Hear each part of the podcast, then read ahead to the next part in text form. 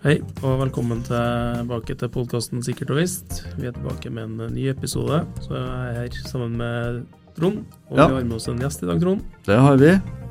Det er Kristine Størkersen Hei, hei. eh, som er med oss i dag. Fra Sintef Ocean. Mm. Eh, vi har, I dag så har vi valgt å ta et tema der vi går inn på ei spesiell næring, nemlig oppdrettsnæringa. Og det er jo ei spennende næring, forholdsvis ny næring i norsk sammenheng. da, eh, Og som vi alle vet, så er det jo en næring der som er, begynner å bli veldig viktig for norsk økonomi. Altså det er mange som jobber i næringa. Eh, Jeg sjekka noen tall nå rett før vi gikk inn i studio. Eh, Det er jo 9000 stykker cirka, som jobber direkte i næringa. Og hvis en regner sånn indirekte arbeidsplasser, så er vi oppe i 45 000. Eh, Så bare det er jo mye. Og så vet vi jo det at vi får jo eh, Norge som land får jo store inntekter fra næringa. Mm. Men det er ikke uh, ufarlig å Nei, det er, jobbe i ikke, næringa. det, er, det er jo ikke ufarlig. Det har over mange år vært Norges nest farligste næring. Ja. Etter fiskeri, og etter sjarkfiske, tror jeg faktisk det. Mhm.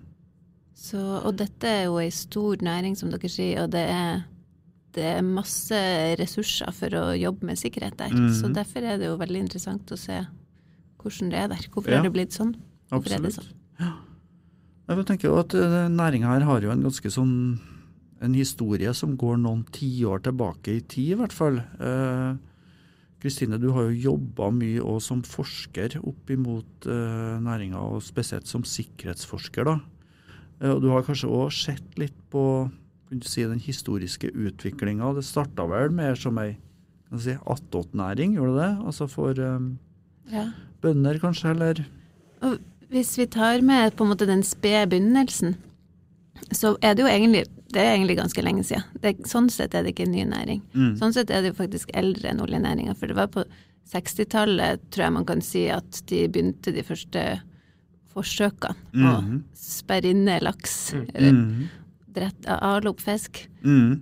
Og det ble jo gjort en hel haug med masse forskjellige artige måter å prøve det på. Ja. Vi alle har vel sett eh, bilder av tremærer eller fo- fra eh, sjekt eller, og eh, Ja, masse robåter, nærmest. Mm. Og masse forskjellige typer eksperimentering med fôret. Og, Mm. og, em, og, så det, og så ble det jo etter hvert sånn at man kunne selge fisk. Mm. Så, um, så da, og da, som du sier, så var det jo gjerne en attåtnæring til noen som holdt på med noe annet. Og da var Mm. det kanskje bønder eller uh, fiskere eller noen som holdt på med noe helt annet, men hadde litt plass at vi Mm. hadde eiendom på kysten. Ja. ja. Nei, vi har jo sett uh, Vi har jo vært i noen sammenhenger ut på Hitra Frøya, og der har man jo eh, utstilt skal jeg til å si, en del sånn gamle merder, sånn som de var opprinnelig. Og det er jo en enorm utvikling som har skjedd, uh, i hvert fall i størrelse på merdene. Selv om måte teknologien er vel måte kanskje mye den samme som den var. Altså med, med merder med not og uh, Det har vært prøvd masse, Mm. og det har vært Som vi vel kommer tilbake til etter hvert, så er det også mye som, kommer til å skje fremover. Men likevel, den her mærteknologien, ja. Mm. At det er en ring eller en kra- flytekrage av noe slag og eh, ei not under, eller Mm. to. Ja. Det er akkurat det har vært hele tida. Og det er jo glimrende for norskekysten, for da får du da får du brukt eh, strømmen eh, i vannet, du får brukt temperaturen, du får gjort eh, hatt et miljø som laksen trives i, helt gratis. Mm. Men jeg går ut fra sikkerhetsarbeidet i den næringa har òg hatt en utvikling, da, kanskje til og med med noen vekstproblemer, med tanke på at det blir profesjonalisert på forholdsvis kort tid. Ja. Um, og så kan vi si kanskje kort tid var det kanskje ikke. Eller jo, altså først så var det attåtnæring, Mm. og så ble det mer og mer Det ble større familieeide selskap. De um, vi, var kanskje, vi er jo ikke helt sikre på akkurat hvordan ulykkesstatistikken var, eller hvor reelt det har vært, det som har blitt rapportert alt opp igjennom, selvfølgelig. Mm. Men det vi i hvert fall vet, at det var jo gjerne folk som vokste opp med havet, og som tok vare på seg sjøl og hverandre, og og som hadde en forståelse av hvordan de jobba i lag og sånt. Mm. Og, og så ble det familieeide selskap, så ble det større og større. Så solgte de kanskje seg ut, og at det ble større som paraplyorganisasjoner og konsern. Mm. Og plutselig så jobba veldig mange folk i lag som kanskje ikke kjente hverandre, kanskje ikke hadde vært så mye forholdt seg til havet så mye, eller um, hadde forskjellig type opplæring. Og da måtte mm. man begynne å ta, ta, gjøre andre tiltak da, for mm. å sørge for at eh, vi skulle jobbe trygt og sikkert. Nei, Vi var jo inne på at det, er, det, har, det har vært ei farlig næring. Altså det er mye skader og en god del som har omkommet også i, gjennom jobben. Eh, Hvis en ser på liksom hva farekildene her er, da, hva er det av ille ting som kan skje hvis du jobber innenfor oppdrettsnæringa? Um, det er havet man har med å gjøre, så da er det jo gjerne bølger. Du har eh, stadig større båter, stadig større merder, og disse beveger seg i forhold til hverandre. Så da kan det skje klemskader lett, man kan dette i havet. Har selvfølgelig skjedd en del drukningsulykker opp igjennom. Mm. Um, og så jobber man mye med kran. Så da Mm. kan, det er også store krefter, og stadig større krefter. Så det har skjedd en del ulykker med kran. Um, og så har det vært en del eh, dykking i forbindelse med disse um, Altså at man vil rengjøre nøter, og man vil, eh, skal inspisere de og sånt. Mm. Og da, um, der har det òg vært en del som har skjedd. Det kanskje stadig færre dykkeoperasjoner nå fordi at man har fått eh, teknologi, så kanskje den begynner å bli utrydda. Men på andre ting så er det jobba, der er det jobbes mye med sikkerhet, eh, men det er også stadig større eh, teknologi, større utstyr, som gjør at du kanskje har fått enda større farer, da. Mm. Derfor tenker jeg at denne maritime virksomheten, den, er jo, den har jo på en måte òg utvikla seg. Altså du har eh, servicebåter, du har fòrbåter. Eh, og, og de her merdene de er vel ikke nødvendigvis i enkelt farvann. Altså at man må jo Og hvis båtene blir større, som du sier, så må man jo manøvrere kanskje på, på plasser som er litt sånn ikke kjempeegna til den type virksomhet. Mm, det er en ting som og en del av den utviklinga er jo at i begynnelsen så var det gjerne nært eh, eller Oppdrettsanleggene var da ganske nært land. Eh, De eh, inn i fjorda. Og så både så er det jo det at det ikke er plass til veldig mange oppdrettsanlegg nært land og inn i fjorda, og det er mange andre som har lyst til å være der. Mye annen virksomhet som skal foregå. Så derfor så har man vært lyst, nødt til å se etter plass andre plasser lenger ut, der det gjerne er mer vær. Selv om det kan også faktisk være ganske farlig eh, eller mye krefter med mye strøm. Eh, havstrømmer. Eller strøm i vannet, da. eh, I fjordene. Eh, men også i tillegg så er det jo det at man har lært mer om laksen, fisken, etter hvert. Så det er ikke alltid det er så gunstig å ha et oppdrettsanlegg inni en fjord der det ikke er så gode strømforhold, for den skal jo ha oksygen, Mm. når det, særlig når det er mye fisk på liten plass. Mm. Man hører jo kanskje mer om eh, ulykker i den forstand at det er laks som rømmer, enn om ulykker på mennesker. Ja.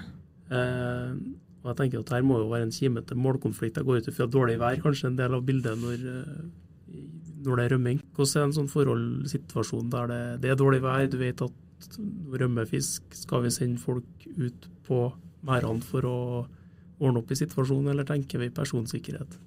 Den der er en flott dilemma som, som jeg tror eh, folk, altså de som jobber i bransjen, står i stadig vekk. Og har gjort det helt siden det begynte. Mm. Det, man har jobba masse med sikkerhet og fått masse gode rutiner. Blitt veldig god på verneutstyr og på å ha gjennomtenkte operasjoner og sånt. Men den der dilemmaet, skal vi em, gjennomføre operasjon eller ikke, det står vi fortsatt i.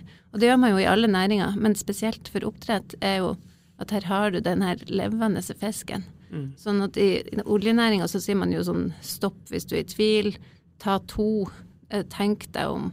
Det, vi kan alltid sant, slå av produksjon, Mm. men det kan du ikke når det er levende vesen. Så du vil alltid um, eller sånn, Hvis at det f.eks. da ikke nødvendigvis er dårlig vær engang, men at det skal bli det, eh, så vil du gjerne sikre anlegget. Eh, hvis du ser da at det er et, eh, en not som kan komme til å rives rive sund i en, i en storm eller et dårlig vær, så vil du jo fære ut og, og sørge for at fisken er sikra. Mm. Du kan ikke slå av noe eller bare vente med å gjøre det. Mm. Så da får du et helt annet press. Så ofte når jeg snakker om sikkerhet i oppdrett, så tenker jeg at her Altså, vi snakker jo om å komme oss eh, hjem fra jobb i livet. Det er en ting. Vi vil ikke skade oss på jobb. Vi snakker om personsikkerhet og HMS. Eh, men det er helt avgjørende også da å, og tenke at ok, det holder ikke bare med, med, med verneutstyr og redningsvest og, og ha nok ressurser, sånn, sånn som i andre bransjer. Man ofte tenker på som sikkerhetstiltak i andre bransjer. Her må man også tenke på hvordan får man det til å passe med at fisken skal ha det bra i merda, og den skal ikke rømme. Eh, og så skal den i tillegg da em, ikke gjøre, eller ha noe utslipp eller noe eh, som går utover villfisken. Mm. Sånn at du får de her biologiske prosessene som eh, forvansker, eller Ja. gjør det mer interessant. Men det ytre miljøet med sånn bunnforhold og plast og sånn, er det en del av det bildet her òg? Det vil jeg si. Og hvis vi hadde hatt med oss hun Ingunn Holmen her i dag, som har skrevet doktorgrad, som snart, eh, forhåpentligvis snart skal eh, disputere om eh, sikkerhet i havbruk, så kunne hun fortalt mye om de her forskjellige risikoforholdene i havbruk, og lagd en metode for helhetlig risikostyring. Ja. Fordi at for å tenke, Man kan ikke bare tenke på personsikkerhet i ett. Det kan man selvfølgelig ikke i praksis gjøre i så mange næringer. Men Mm. som jeg sa, så er den her levende fisken er spesiell. Og så er det den her med at du driver åpen produksjon som påvirker miljøet. Så du er nødt til å tenke på bunnforholdene. Mm. Og ikke minst så er du nødt til å tenke på at villaksen skal ha det bra. Den skal ikke ha lus. Og da må oppdrettsnæringa ha færrest mulig lus. Og derfor er det et veldig strengt regime fra myndigheter om hvor mye eh, lus en laks får ha, som er langt under null, eller nei, langt under ei. Det er eh, veldig få lus per eh, eh, oppdrettsanlegg som eh, er lov, før man da må ta ei avlusing, Mm. eller slakte fisken, da. Mm. Mm. Så derfor så hører man jo gjerne mye i media om avlusinger. Og avløsningsoperasjoner er ganske store, langvarige operasjoner der fisken blir tatt inn i en, en brønnbåt, en båt som kjører, eller det er det som er vanlig nå, da, kjører den gjennom et system i en brønnbåt, sånn at den kommer ut i merda igjen uten lus. Mm. Og eh, lusa blir igjen i brønnbåten, forhåpentligvis. Mm. Og så um, Og dette er en langvarig, krevende operasjon som eh, faktisk er veldig risikabel også. Mm. Eh, og det her hører vi jo mye om i, eh, Er risikabel for folk òg. Uh, ja, nå er ikke jeg er helt sikker på hvordan um, Jo, jeg tror det regnes òg i statistikken som en eh, farlig operasjon. ja. Det vi vet er at den er veldig langvarig, så man går gjerne ganske lange skift med jobb lenge. Mm. Uh, og uansett, altså, når du først har starta, så er det veldig vanskelig å avslutte selv om det er dårlig vær. Ja. Uh, sånn at det blir krevende for mennesket Ja. å holde den. Ja, skjønner jeg. Nei, jeg tenker Du kjenner jo sikkerhetsforskninga på denne næringa ganske godt. Eh, Det er jo gjort en del, i hvert fall. Eh, Det ble jo gjort noe eh, ble vel gjort en kartlegging i rundt 2008, eller kanskje enda tidligere også. Den Ja. Alderen-rapporten. Ja, den var i 2003, tror jeg de hadde. 2003. Den Mm. første. Og det var vel universitetet Jeg begynner å bli gammel. Tida går fort. Men den første vi var med på, var i 2000 og- Eller vi publiserte det i 2008. Ja.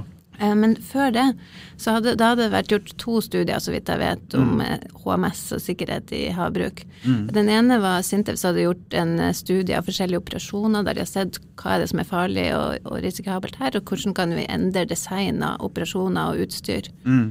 Um, og så den, eh, den som jeg tror ble gjort aller først, eller ca. på samme tid som Sintef, det var Universitetet i Stavanger, eller Rogalandsforskning, som um, tok en sånn spørreundersøkelse uh, for å sjekke hvordan det nye sikkerhetsstyringsregelverket, eller internkontrollforskrifter, ble Ja, opp i, mm. i havbruksbransjen. Mm. Og da var det oppdrettere som ble spurt hvordan altså, har du et sikkerhetsstyringssystem, hvordan fungerer det? Og da fikk de vel hovedsakelig til svar eller ingen svar, da. Og når de da prøvde å purre på folk, så bare Vi har da viktigere ting enn å snakke om sånn ja. her, fikk de vite. Det var kanskje et funn i seg sjøl, at folk ikke ville svare. Mm, og at de syntes at sikkerhetsstyring ikke var viktig. Ja. Men de som svarte, de sa nå at de hadde et, et bra sikkerhetsstyringsregelverk. Mm. Eller og system. Så kan vi vel tenke i at vi det kan jo være at, eh, at ledelsen syntes det var bra at ikke alle andre visste akkurat hvordan det var, dette Mm. Mm. sikkerhetsstyringssystemet deres. Um, Ja, nei, og så fikk vi jo fare på Mære-rapporten, som vi kaller det, i 2011. Og så var jo vi sammen på et prosjekt eh, eh, for ikke så veldig mange år siden. Avslutta for tre år siden, vel. Mm. Eh, om sikkerhet i havbruk, da.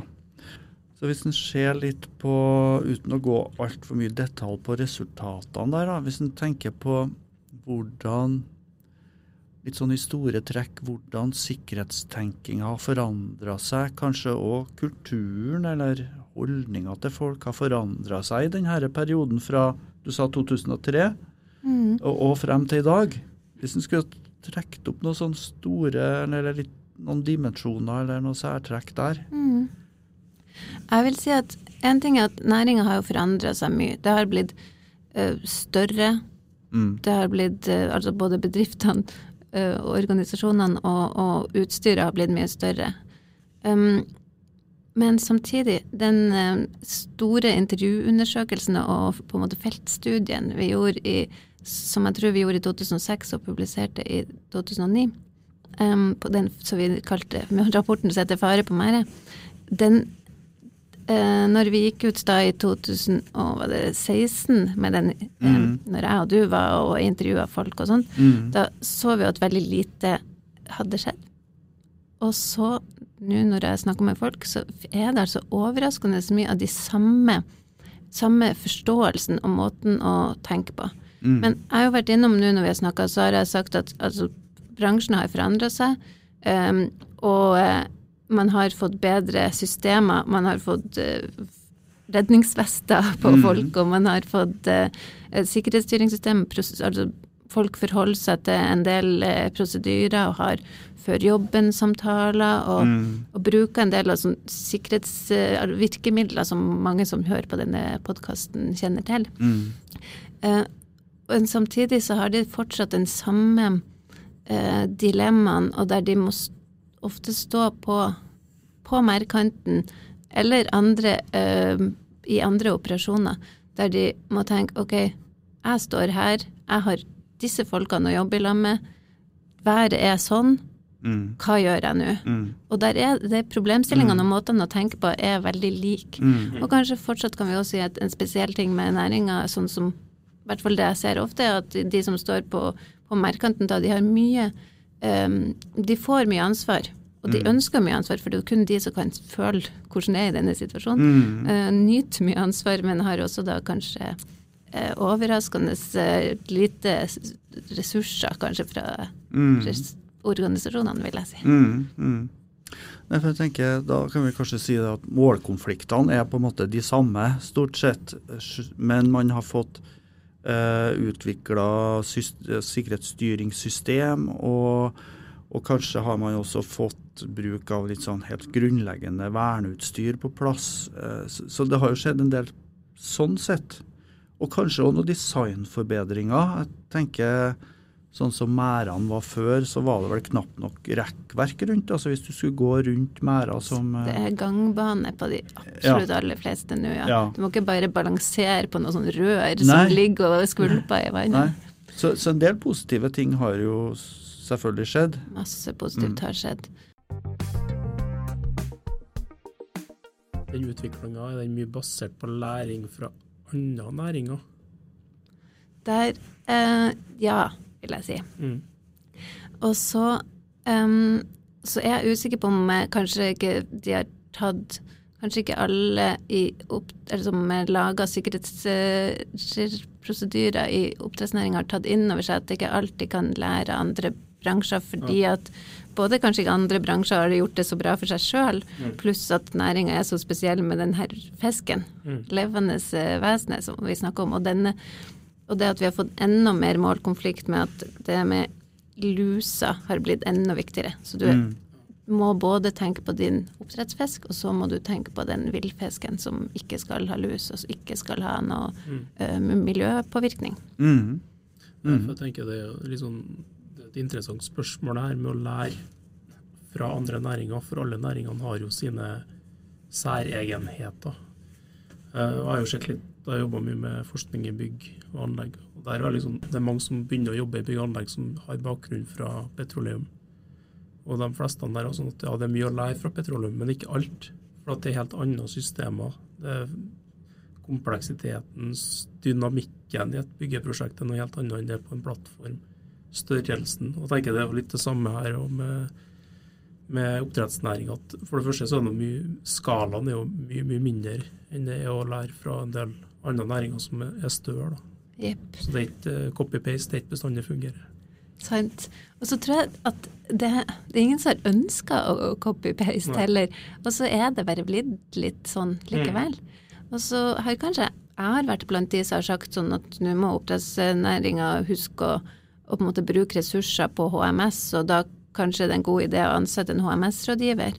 Men eh, nå skal ikke jeg si noe verken egentlig spesielt bra eller dårlig om HMS-rådgivere, men det kan jo hende at de kommer inn der og lager et system som de har lært fra en annen bransje, eh, eller at ikke de kjenner like godt eh, på kroppen akkurat eh, eh, hvordan det er å jobbe i, i oppdrett på merdkanten eller andre deler av eh, andre operasjoner i, i oppdrettet. Så da har vi jo sett, som i mange andre bransjer, at du ønsker ikke å bli som eh, oljenæringa. Du har ikke de samme ressursene, du har ikke lyst til å bruke like mye tid og eh, ansatte på eh, det man kan kalle papirarbeid. Men det har sneket seg inn likevel. Mm. Det er uttrykket 'å skyte spurv med kanon', som vi har på norsk. Og det gjør seg vel kanskje litt gjeldende her òg, at man på en måte har litt eh, tendenser til litt eh, overdimensjonerte styringssystem som eh, kanskje ikke er helt egna til den virksomheten man eh, har. Ja. Og her, dette kan jeg snakke lenge om, og jeg er veldig um, Jeg har jo lurt veldig på hvorfor det har blitt sånn både i denne bransjen og i andre. Men så må jeg jo òg si, bare først og fremst til, til denne næringa sin um, uh, Altså, jeg var, har jo vært imponert. Du og jeg, Trond, har jo vært og besøkt noen oppdrettsanlegg, og særlig ett selskap der alle ansatte var kjempefornøyd med de prosedyrene de hadde, Mm. og de hadde åtte. Ja. Ikke det? Jo, det det var ikke lenge kanskje noe sånt. Ja. Mm. Og, det, og de hadde tatt De hadde gjort bokstavelig det som står i internkontrollforskrifta, i det vi kan kalle HMS-lovgivninga for eh, de fleste eh, næringer i Norge. De hadde tatt de sikkerhetskritiske operasjonene sine og lagd prosedyrer som skulle, og arbeidsbeskrivelser som skulle følges, og som passa til det de skulle gjøre. Mm. Og så hadde de ikke lagt til noe mer enn det de Nei. mente at de trengte å gjøre. Mm. Det er forbilledlig. Ja. Men det er eh, veldig eneste eksempelet jeg har hørt på noen som har klart å holde det over Ja. tid. Jeg tenker som et sånt enkelt tiltak som å ikke jobbe alene ute på merdene. Altså det eh, Bare det kan jo redde mange liv, egentlig. Eh, så hvis man detter over bord, så, så har man noen som ser deg, i hvert fall. Mm. Eh, så det er vel kanskje ikke de helt store grepene bestandig som trengs. Og hvis vi um, snakker om f.eks. å ikke jobbe alene, så er det jo noe uh, som jeg tror bransjen har jobba med nå i flere tiår, og som kanskje lenge var ute. Altså det var lenge sånn at man skulle Man jobba ikke alene. Men der jeg har sett og hørt flere i det siste som sier at jo da, av og til så jobber de fortsatt alene, eller kanskje ikke helt alene, eh, men de ser ikke hverandre likevel. Men flere, flere av de selskap eller det er jo vanlig å ha selskaper eh, eller prosedyrer eller eh, regler at man, ikke, man skal se hverandre, men så går det ikke i praksis likevel. Og det er jo det som er Hvis vi skal manøvrere oss inn på um, sikkerhetsstyringproblemer, og problemer med, med litt uh, prosedyrer som ikke virker alltid, så kan jo det være det at eh, det er jo godt gjennomtenkte prosedyrer, og det selvfølgelig skal man ikke jobbe alene, man skal se hverandre i det minste. Mm. Men altså, det holder ikke, hvis du detter på hav, så holder det ikke å prøve å ringe til kompisen din for å be om hjelp. Mm. Det burde være noen som har fått med seg at du detter. Mm. Og, og det finnes jo også da annen type teknologi som ofte er i bruk også, da, som skal si fra at noen detter, men du burde jo helst ikke være så langt unna heller hvis du skal klare å redde noen. Men så er det kanskje likevel arbeidet lagt opp på en sånn måte som gjør at du um, Hvis du skal få gjort alle oppgavene Mm. innenfor den tida du har, så mm, må du gjøre det på en Mm. litt annen måte enn det står i regelverket. Mm. Ba- Bare en sånn eh, et lite sidespor. eh, Det her med altså Nå er jo eh, oppdrettsnæringa det er jo en eksportnæring. Altså vi, Man eksporterer jo mye, og man har jo store utenlandske kunder. Og sånn som jeg har forstått det, så har de kundene sertifiseringsordninger. Eh, Dvs. Si at kundene setter krav til produsentene på ulike ting. Men også sikkerhet.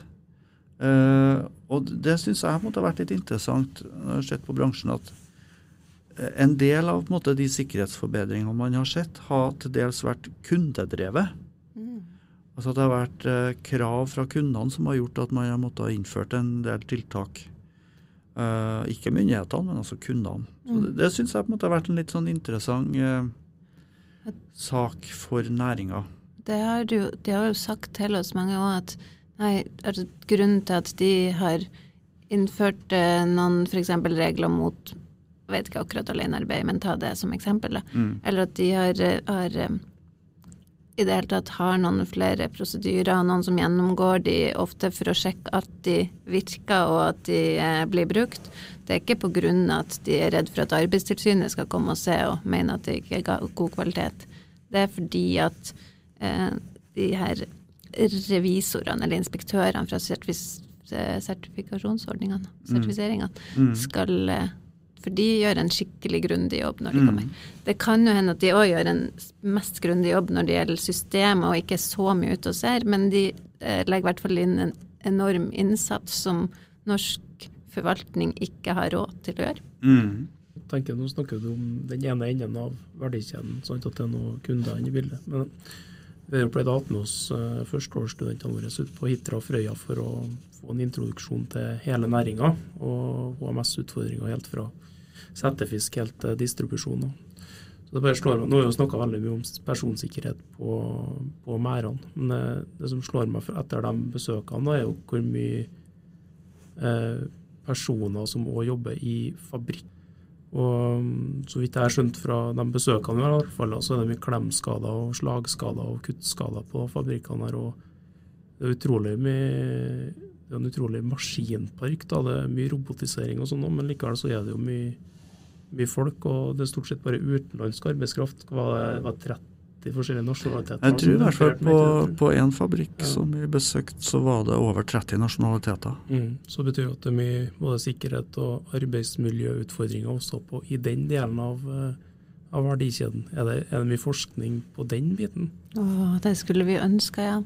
Jeg vet ikke om et eneste forskningsprosjekt Nei. som har vært på slakterisida eller på eh, Mm. en, den foredlingssida, da. Nå er det nesten ikke noe foredling i Norge, eh, men det er mange slakteri, for laksen må jo Mm. Altså, først blir den lagd uh, på land på et settefiskanlegg, eller den får- har sine første måneder der. Mm. Og så blir den fraktet ut i havet med brønnbåt og lever der uh, mesteparten av livet sitt. Så blir den fraktet ut med brønnbåt til slakteriet og tatt livet av der. Og, um, og pakka i isoporesker skal sendt ut av landet på trailere, som vi alle har sett. Små en sikkerhetsutfordring. Jepp.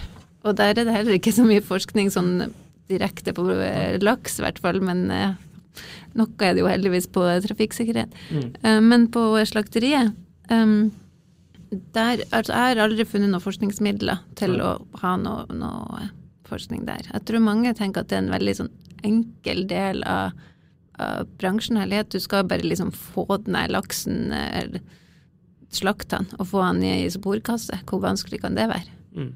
Jeg får håpe det er noen som sitter på en pengesekk som hører på oss, da. Ja, Så kanskje det jeg dukker opp noe.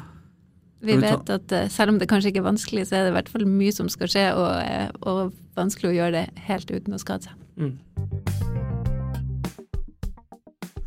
Du Kristine, du, jo vært, du er jo aktiv eh, på publiseringsfronten. Du har jo bl.a. skrevet en artikkel rundt regulering og deregulering. Og, og da er vi jo på en måte inn på det her med prosedyreverk og sikkerhetsstyringssystem og øh, Eh, den type ting.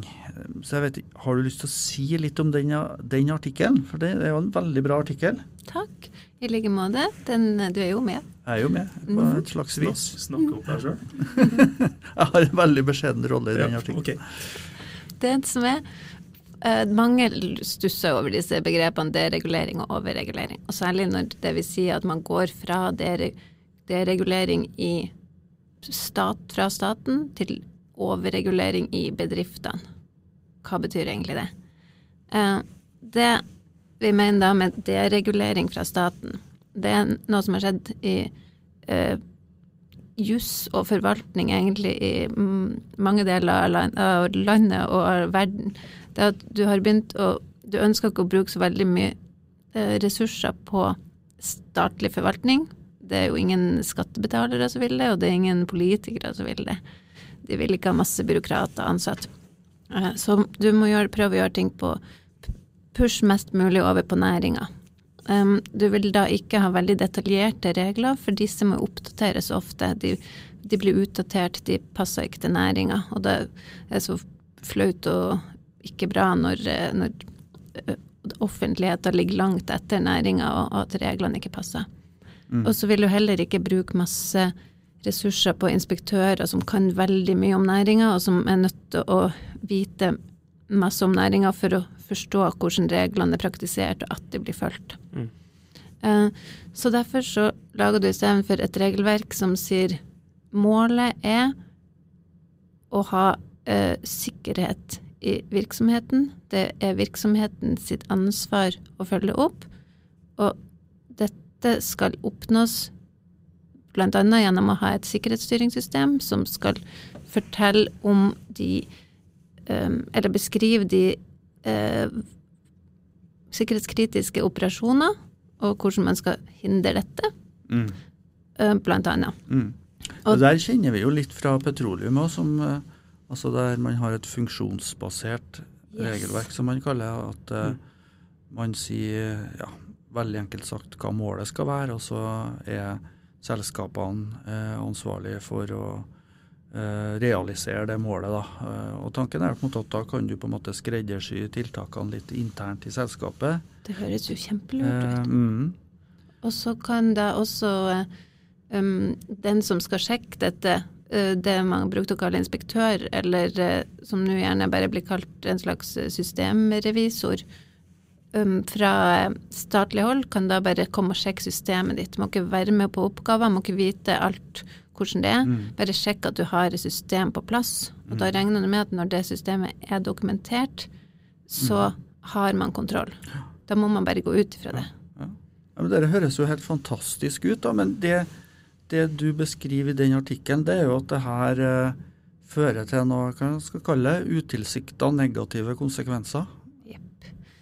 Og når vi sier da overregulering, så er det Så, så mm, kom da at vi får jo rundt og har snakka med folk i mange forskjellige bransjer og, og på mange forskjellige oppdrettsbedrifter, og så er det bare enormt masse prosedyrer. Jeg snakka i stad om at vi har vært en plass der det var åtte, men stort sett så, så kan man peke på at det er tusenvis. Mm. Altså, det er så mye. Det er, kan være at man skal måtte skrive under på at man aldri bruker et trøkk, eh, eller altså lese gjennom en, en eh, prosedyre som, som, sier at hvis du bruker trøkk, så må du være 18 år og du må ha sertifikat, eller altså ting som kanskje står i norske regler òg, som man ikke nødvendigvis tenker at her er noe som burde, bedriften burde ha et eget regelverk om. Mm. Så jeg har sett at det har vært mye, og vi har jo hørt altså i mange mulige slags næringer, så, så, hører vi at folk sier at nei, men de rekker nesten ikke å gjøre jobben sin satt på spissen fordi at de har eh, De må følge regler som de kanskje ikke syns at det gir mening, og at de må dokumentere og rapportere. Mm. Og dette har vi sett i, i havbruk òg. Og så har vi da um, tenkt, eller sett, hvorfor skjer det da? Når du har disse da funksjonsbaserte, enkle reglene. Mm. Du, der det står bedriften har ansvar, bedriften skal lage et sikkerhetssystem som passer for seg. Mm. Um, hva er det som skjer? Og da tror jeg at det vi har funnet ut, er at resten av verden skjer. Ja, um, andre um, trender, eller hva skal jeg si, forventninger til bedriftene skjer. Vi har gjennom mange år hatt et, en forståelse av at det som er dokumentert, er det, burde, det, skjer, det eksisterer ikke hvis det ikke er dokumentert. Nei. Så hvis at du gjør en arbeidsoppgave eh, bra, og den ikke, og du, men du ikke skriver det ned noen plass, Mm. da det er akkurat som den ikke gjelder, da. Mm. Og vi har sett at eh, lærere er jo nødt til å skrive ned at, eh, at de har hatt elevsamtaler. Mm. Det kan jo ikke være så vanskelig å skrive, men så merker vi at man får mer og mer sånne type Mm.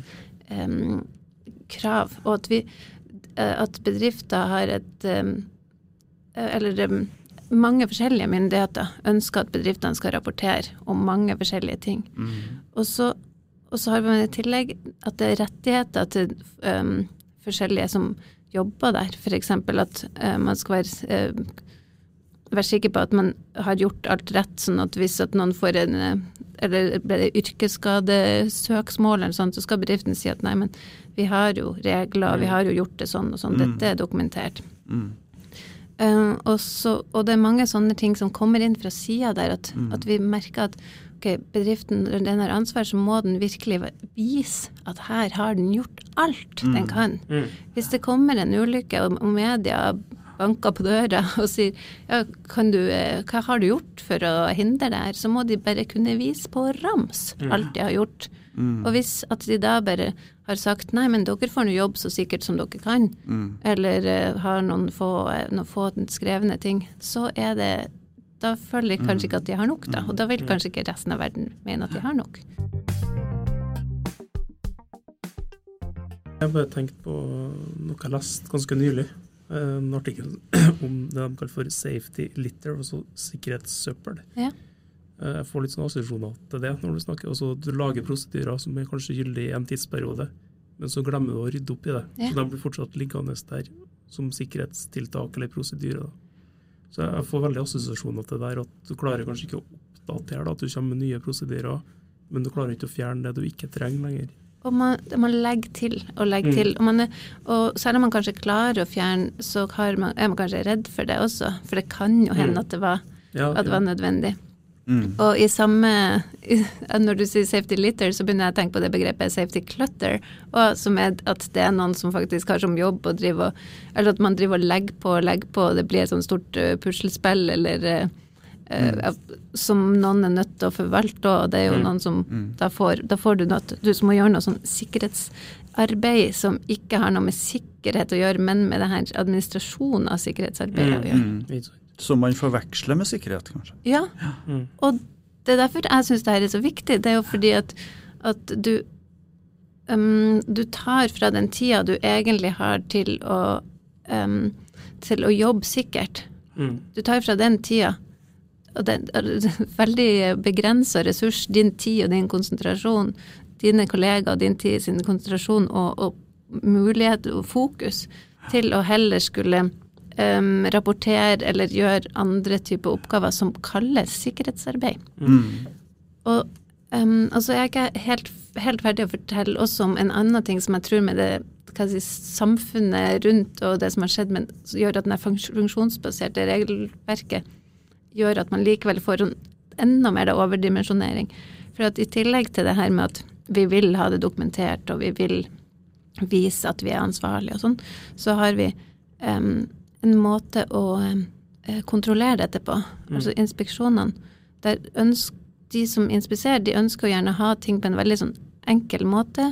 Og det ønsker jo også de, de som har, har selskapet, ønsker jo at de som kommer og inspiserer, skal enkelt se at her har vi fulgt alt. Det er ingenting å ta oss på. Mm. Derfor så ender man òg opp med å legge til mange ting som kanskje ikke hadde trengt å være der, og, og kanskje følge noen uh, former og ta fra en bransje som har veldig store, svære mm. sikkerhetsstyringssystem, bare for å si her har vi, vi har fulgt denne malen, da mm. selvfølgelig kan du bare krysse og krysse i vei, her har vi det som trengs. Mm. Istedenfor at de her revisjonene kunne da ha virkelig vært kvalitet og sagt ok, har du nå har du virkelig laget et sikkerhetsstyringssystem som funker for din virksomhet. Mm. Gir det her sikkerhet hos deg? Mm.